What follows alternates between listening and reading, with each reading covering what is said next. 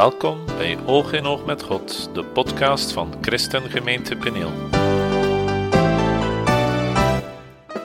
Was er ooit een moment in je leven waarop je jezelf ertoe verbonden hebt om Jezus te volgen, wat Hij ook maar vraagt? Meer hierover in het eerste deel van Ben je bereid Jezus te volgen?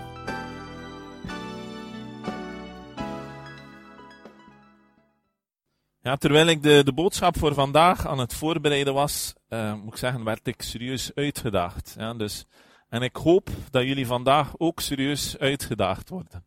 Ja, door wat ik jullie ga vertellen. En de titel van mijn boodschap is oproep, oproep tot toewijding. Ja, oproep tot commitment in het Engels. Ja, het woord dat we veel gebruikt hebben, maar ik was aan het zoeken naar een Nederlands woord en het woord toewijding is eigenlijk, denk ik, de beste vertaling. Ja, de vraag die wij ons moeten stellen is: zijn wij bereid Christus te volgen, wat de gevolgen ook zijn? Ja, wij zingen: Heer, u bent almachtig, u bent heilig, u bent waardig. Maar is dat ook duidelijk in wat wij doen? Ja, is dat ook duidelijk in hoe wij Hem volgen? Ja, zijn wij bereid om ons leven neer te leggen? Ja, hoe bereid zijn we? Waar staan we met onze toewijding? Ja, de meesten onder jullie hebben Jezus Christus aangenomen als persoonlijke verlosser. Ja, je bent zeker, Jezus is mijn verlosser. En je zegt, daar twijfel ik niet over, hij is mijn verlosser. Maar de vraag is, is hij ook jouw Heer? Ja, de vraag is, is er ooit een moment geweest in je leven waarop je zei van, Jezus, vanaf nu, wat je ook vraagt, dat zal ik doen. Heb je jezelf verbonden met Jezus om Hem te volgen? Wat de kost ook zij. Ja, heel dikwijls lezen we over mensen die hun leven volledig neerleggen. Ja, ik herinner me Jim Elliot. Ja, die wou gaan prediken hij wist dat God hem geroepen had. Ja, om naar de stammen te gaan.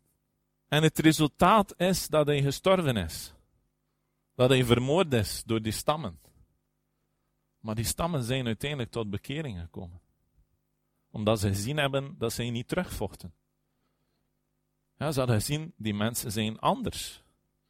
Waarmee dat ik niet wil zeggen dat nu iedereen geroepen is om naar dat soort stammen te gaan. Ja, we hebben allemaal onze eigen roeping. Maar de vraag is, zijn wij toegewijd in de roeping die God heeft voor ons? Ja, hoe definieer je toewijding? Hoe definieer je commitment? Ik kan je nu al zeggen, ik zal niet klaar zijn vandaag. Ja. Ik heb vier vragen en ik zal er waarschijnlijk maar twee kunnen doen. Ja, commitment is, ik geef mijn leven over.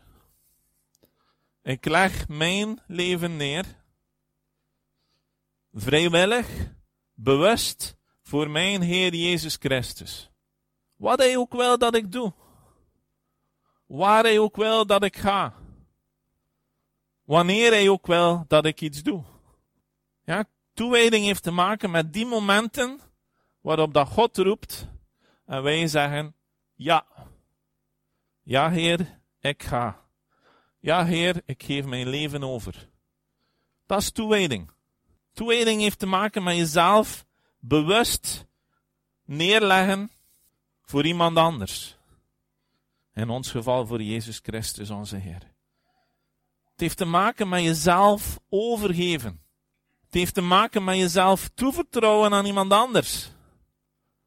Het heeft te maken met jezelf volledig beschikbaar maken voor iemand anders. Ja, ik moest dan denken aan de ridders van de ronde tafel. Ja. Wat doen die ridders? Ja, of ridders in het algemeen trui. Wat doen de ridders? Die wijden zich toe aan de koning.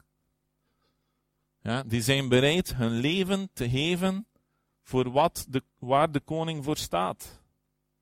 Ja, dat was de ridders van de ronde tafel. Koning Arthur stond voor vrijheid. Ja, en die ridders die waren toegewijd. Die wilden hun leven geven voor dat ideaal. De vraag is, Hoe toegewijd zijn wij? Hoe bereid zijn wij om ons leven te geven voor het ideaal van Jezus Christus? Voor het koninkrijk van God. Laten we even naar Romeinen hoofdstuk 12 gaan. Ja, je kunt het al voelen. Hoop ik. Als het nog niet zo is, ben nog niet klaar. Ja. Je zult uitgedaagd worden.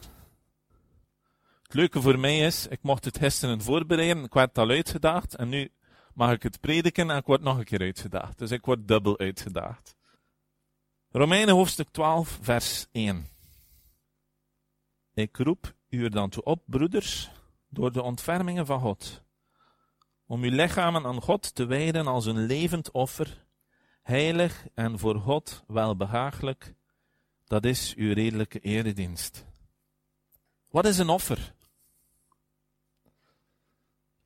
Een offer is iets dat je geeft aan iemand anders om daar iets mee te doen. Ja? Of iets dat je legt op een altaar en dood doet. Ja? En de, als je kijkt in het Oude Testament, wat deden de Israëlieten? Ja, ze pakten een lam, ja? of wat dan ook, een duif. Ja? Het kunnen veel dingen zijn. En wat deden ze daarmee? Ze brachten het naar de priester en de priester slachtte. Ja, dus wat deden ze? Gaven iets van hen aan iemand anders om dat te gebruiken zoals die wilde. Ja, en eigenlijk was het zo dat dat offer, op het moment dat ze dat gaven aan de priester, dat offer was niet meer van hen. Het behoorde God toe. En hier in Romeinen staat er, en roept Paulus ons op, door de ontfermingen van God, om ons lichaam aan God te wijden als een levend offer. Ja, Paulus vraagt niet dat we onszelf slachten. Ja. Hij wil wel dat we onze eigen wel slachten. Ja, als ik even figuurlijk mag spreken. Ja, die moet geslacht worden. Die moet aan de kant. Maar hij zegt, wijd uw lichamen aan God als een levend offer. We zeggen dat wij ons lichaam geven aan God. Het is niet meer van ons. En God mag ermee doen wat hij wil. Maar we blijven wel leven. Ja? Het is een levend offer. En niet alleen onze eigen levenskracht. Nee, we worden vervuld van het leven van Jezus Christus. En hij zegt, dat is uw redelijke eredienst. Ja? In mensentaal, het is het minste dat je kunt doen. Ja? Dat is eigenlijk wat daar staat. En de vraag is, aan wie behoor je toe? Heb je jezelf gegeven aan God, dat Hij mag doen met jou wat Hij wil? Heb je jezelf ooit volledig overgegeven aan Jezus Christus? Jezelf ondergeschikt gemaakt aan Hem, die Heer is van je leven, of het zou moeten zijn. Dat is toewijding. Niet meer en niet minder. En misschien ben je wel volledig toegewijd aan God en wat Hij van u vandaag vraagt. Maar als Hij morgen aan u vraagt om iets moeilijkers te doen, om iets anders te doen, iets waarvan je zegt, ik kan dat niet, wat is dan je toewijding? Wat is dan je antwoord? Ben je dan nog altijd volledig aan Hem toegewijd of niet? Ja, God roept ons. En soms roept Hij ons om andere dingen te doen of nieuwe taken uit te voeren. Maar uiteindelijk, daar gaat het over. Ja, als God ons vraagt om iets te doen, dat we zeggen, hmm, kan dat niet? Wat zeggen we dan eigenlijk? We zeggen, God, hebt een fout gemaakt. Hebt gemist. Ja, dus je kunt volledig toegewijd zijn vandaag, en wat God je toeroept vandaag, maar morgen roept hij je misschien voor iets moeilijkers, iets anders. En dan zeg je, ja heer, sorry, maar Vraag aan iemand anders, ben ik de verkeerde? Onze naam staat geschreven in het boek des levens. Hoe kunnen wij dan ons eigen ding doen? Hoe kunnen wij dan niet toegewijd zijn? En trouwens, die eigen ding doen is niet bijbels. Ja, dat staat niet in de Bijbel. Zijn wil doen wel. Ja, onze wil moet sneuvelen. En dat is een van de moeilijkste dingen. Ja, dat doet pijn. Maar het is wat God wil. Johannes hoofdstuk 6. Wat zegt Jezus? Jezus, de Zoon van God, zegt in vers 38, want ik ben uit de hemel neergedaald. Johannes 6, 38. Niet opdat ik mijn wil zou doen, maar de wil van Hem die mij gezonden heeft.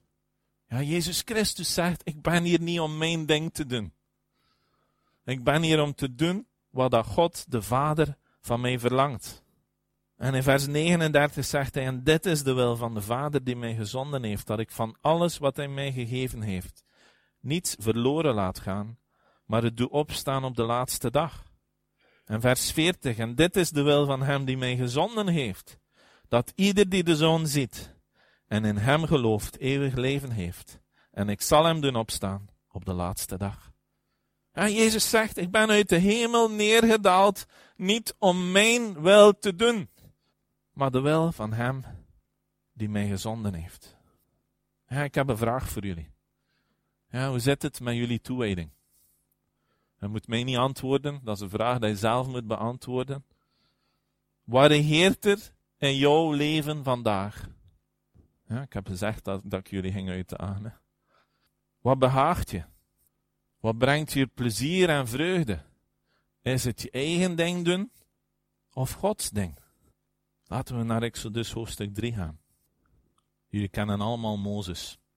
Ja, Mozes was de zoon van een man uit het geslacht van Levi. Ja, Levi is een, uh, een van de zonen van Jacob. Ja, en de, Mozes was een van zijn nakomelingen. Maar het was zo in die tijd dat de jongens gedood moesten worden. Want de farao zag dat het volk van Israël groeide. Ja, ze werden vermenigvuldigd. En hij had schrik. Ja, in vers 22 van hoofdstuk 1 staat er, toen gebood de farao heel zijn volk, al de zonen die geboren worden, moeten we in de Nijl werpen, maar al de dochters mag u hun leven laten. Ja. Dus hij zei, kom, al die, al die jongens moeten weg. Ja, Mozes werd geboren. En wat deed zijn moeder? Ja, ze maakte een mandje, want op een bepaald moment kon ze hem niet meer verborgen houden. Ze maakte een mandje bestreek het met asfalt en pek, legde dat kind daarin en zette het tussen het riet aan de oever van de Nijl, van de rivier. Ja, dat is Mozes. En Mozes werd gevonden door de dochter van de farao. En Mozes groeide op aan het hof. Ja, hij werd eerst opgevoed door zijn moeder, want hij moest gevoed worden. En wanneer hij groot geworden was, werd hij bij de dochter van Farao gebracht en hij werd haar tot zoon. En zij gaf hem de naam Mozes, want zei ze, ik heb hem uit het water getrokken. Ja, dat is de betekenis van die naam. En Mozes die leefde 40 jaar lang aan het hof. Ja, hij was als een koningszoon. En toen ging het mis. Ja, hij zag dat er iemand mishandeld werd van de Hebreeuwse mannen. En hij sloeg die Egyptenaar dood.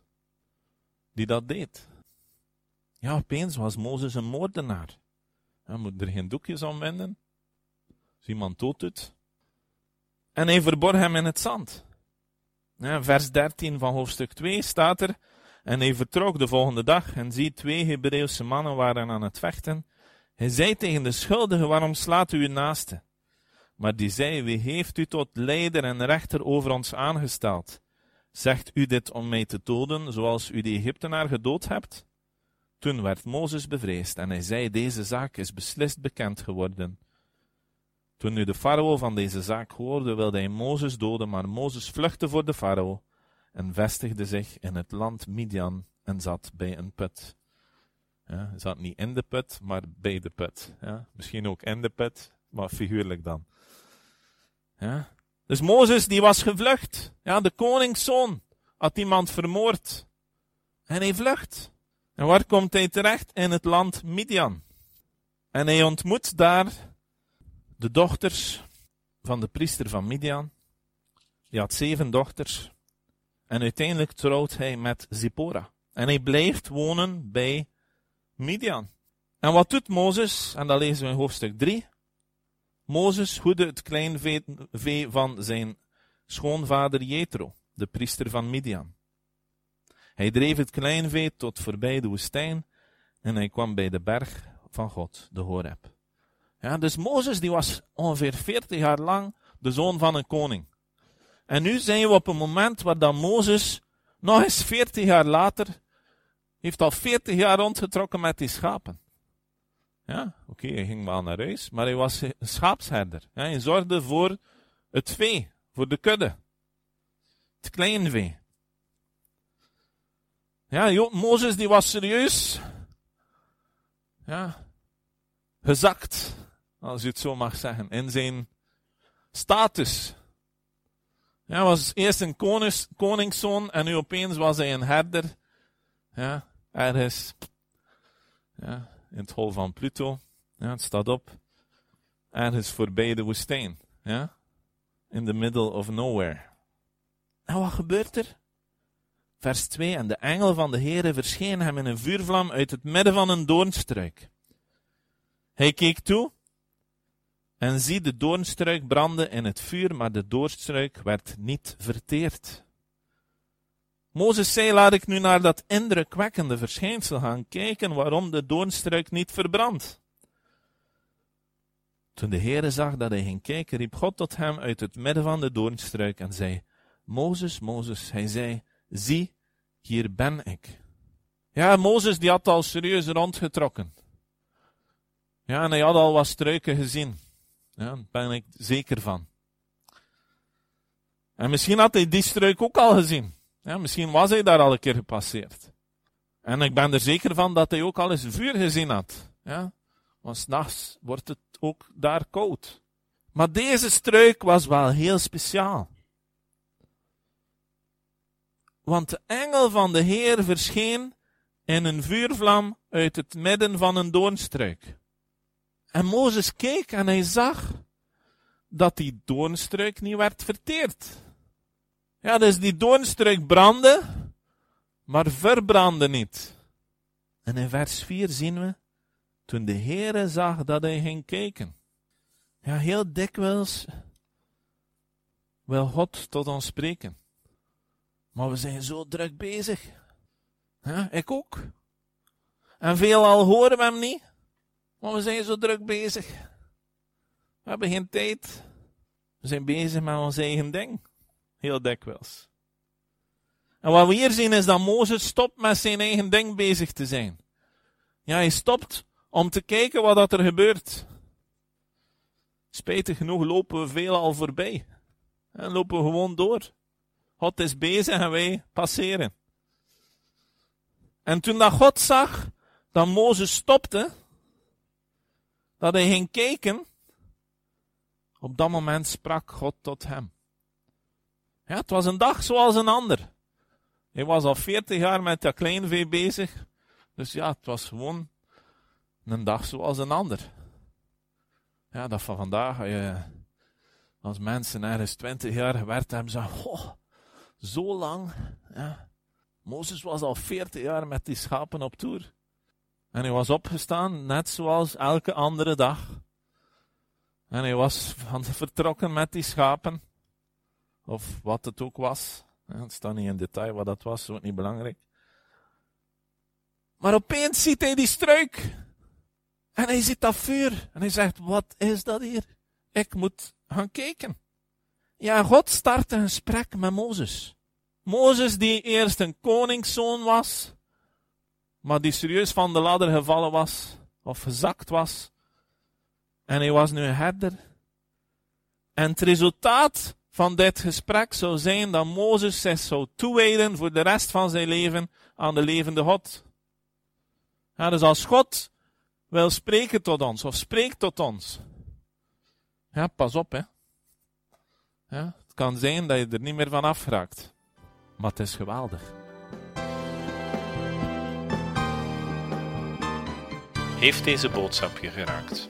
Wil je hierover graag met iemand spreken? Neem dan zeker contact op met ons via onze website www.peniel.be.